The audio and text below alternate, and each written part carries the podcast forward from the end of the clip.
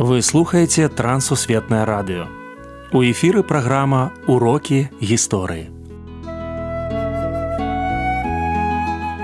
Запрашаем у падарожжа падзей, асоб і фактаў. Вучыцеся разам з намі.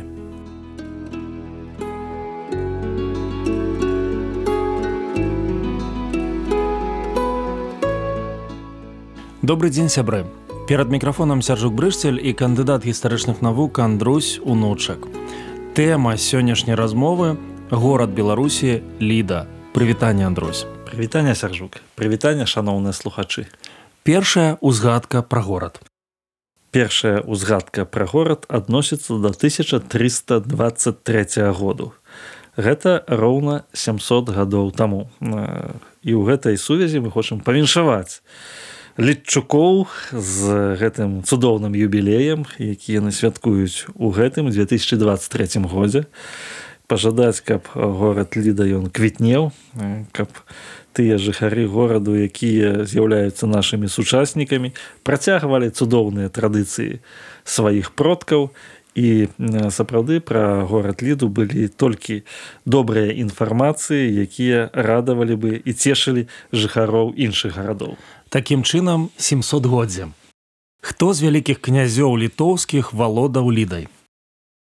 Ліду заснаваў вялікі князь літоўскі едымін. Гэта было ў той самы год, калі сталіца вяліка княства літоўская была перанесена з навагрудка ў вільню. І на працягу ось фактычна 100 гадоў, лідай валодалі вялікія князі літоўскія. Гэта і едымін гэта і альгерт гэта і кейс тут гэта і вітаут вось такі великакнязскі горад. Распавядзіце калі ласка пра лідскі замак.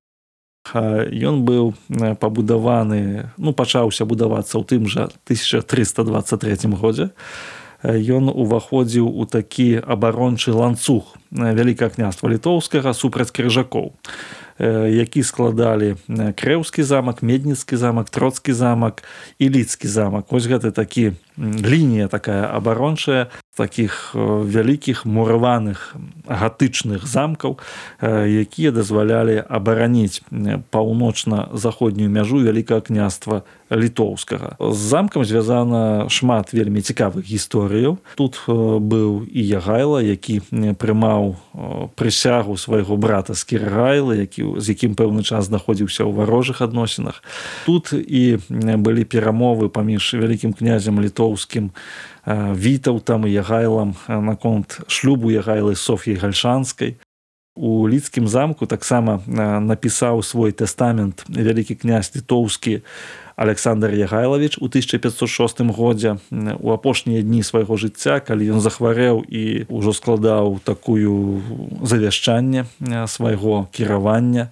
Тут жа адбываўся бой паўстанцаў касцюшкі з царскімі войскамі і гэтак далей. Гісторыя славутая гісторыя цудоўная.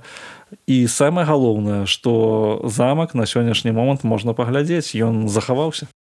Канфесійнае жыццё ліды. У лідзе сапраўды шмат канфесійнае жыццё і мы можам сказаць што ад самага пачатку яно было такім.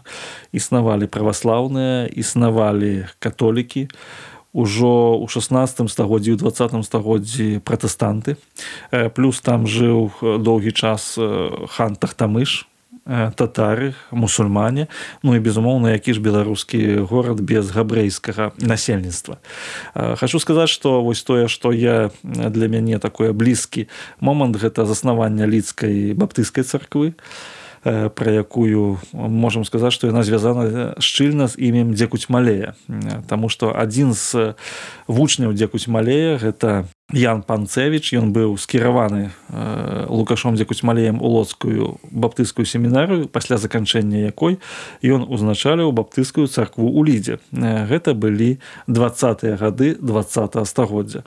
Там усе канфесіі прадстаўлены і канешне пра лічукоў кажуць што там храмы э, заўсёды поўныя людзей.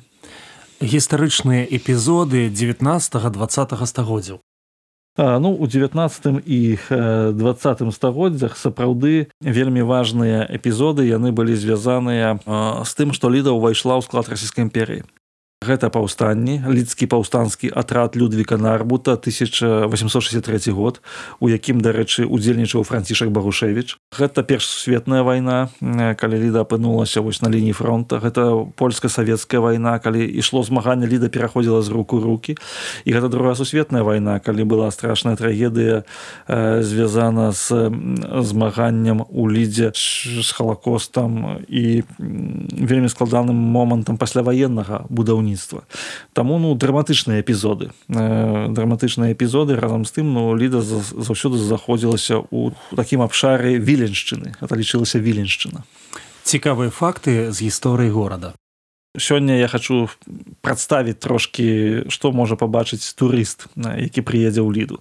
Па-першае зацікавіць гісторыя лідска замку. На сённяшні момант ёсць аўдыягід і можна пазнаёміцца з лідскім замкам. Вось нават спампаваўшы сабе праграму на телефон это праграма крок эп ёсць помнік скарыну ёсць помнік вялікаму князю літоўскаму гедеміну ён стаіць проста ў цэнтры гораду каля лідскага замка.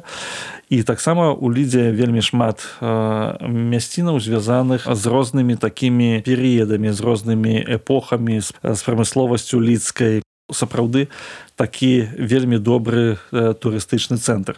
Ну магу сказаць што музейная экспазіцыя лідскага замку яно по праводзіць наведвальніка ад вялікае княства літоўскага аж да часоў вось расійскай імперіі і можна апынуцца ў розных эпохах пабачыць раскопкі пабачыць зброю арыгінальную тагачасную і пабачыць ну сам унутраны дворык лідскага замка.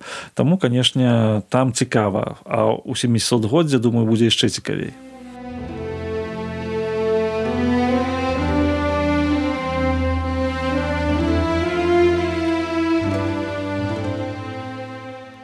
Ліда горад са слаўнай гісторыі.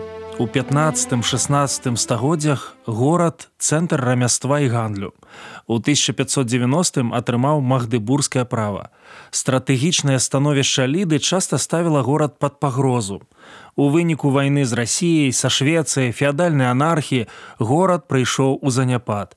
У складзе расійскай імперыі горад стаў павятовым цэнтрам. Спачатку слонімскай, пазней літоўскай, яшчэ пазней гродзенскай губерняў. Вялікую страту гораду і жыхарам прынесла вайна 1812 з французамі. На папярэдадні першай сусветнай вайны горад стаў буйным прамысловым, гандлёвым і культурным цэнтрам, а затым апынуўся ў руках германскіх, а потым польскіх войскаў. Другая сусветная вайна амаль цалкам разбурыла горад. Сёлета мы віншуем горад і гараджан 700годдзям. Ён стаў вялікім і прыгожым.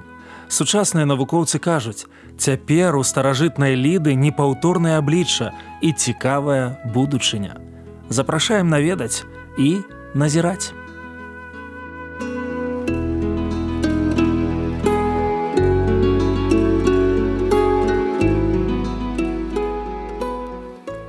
Дзякую, што далучыліся да нашага праекту.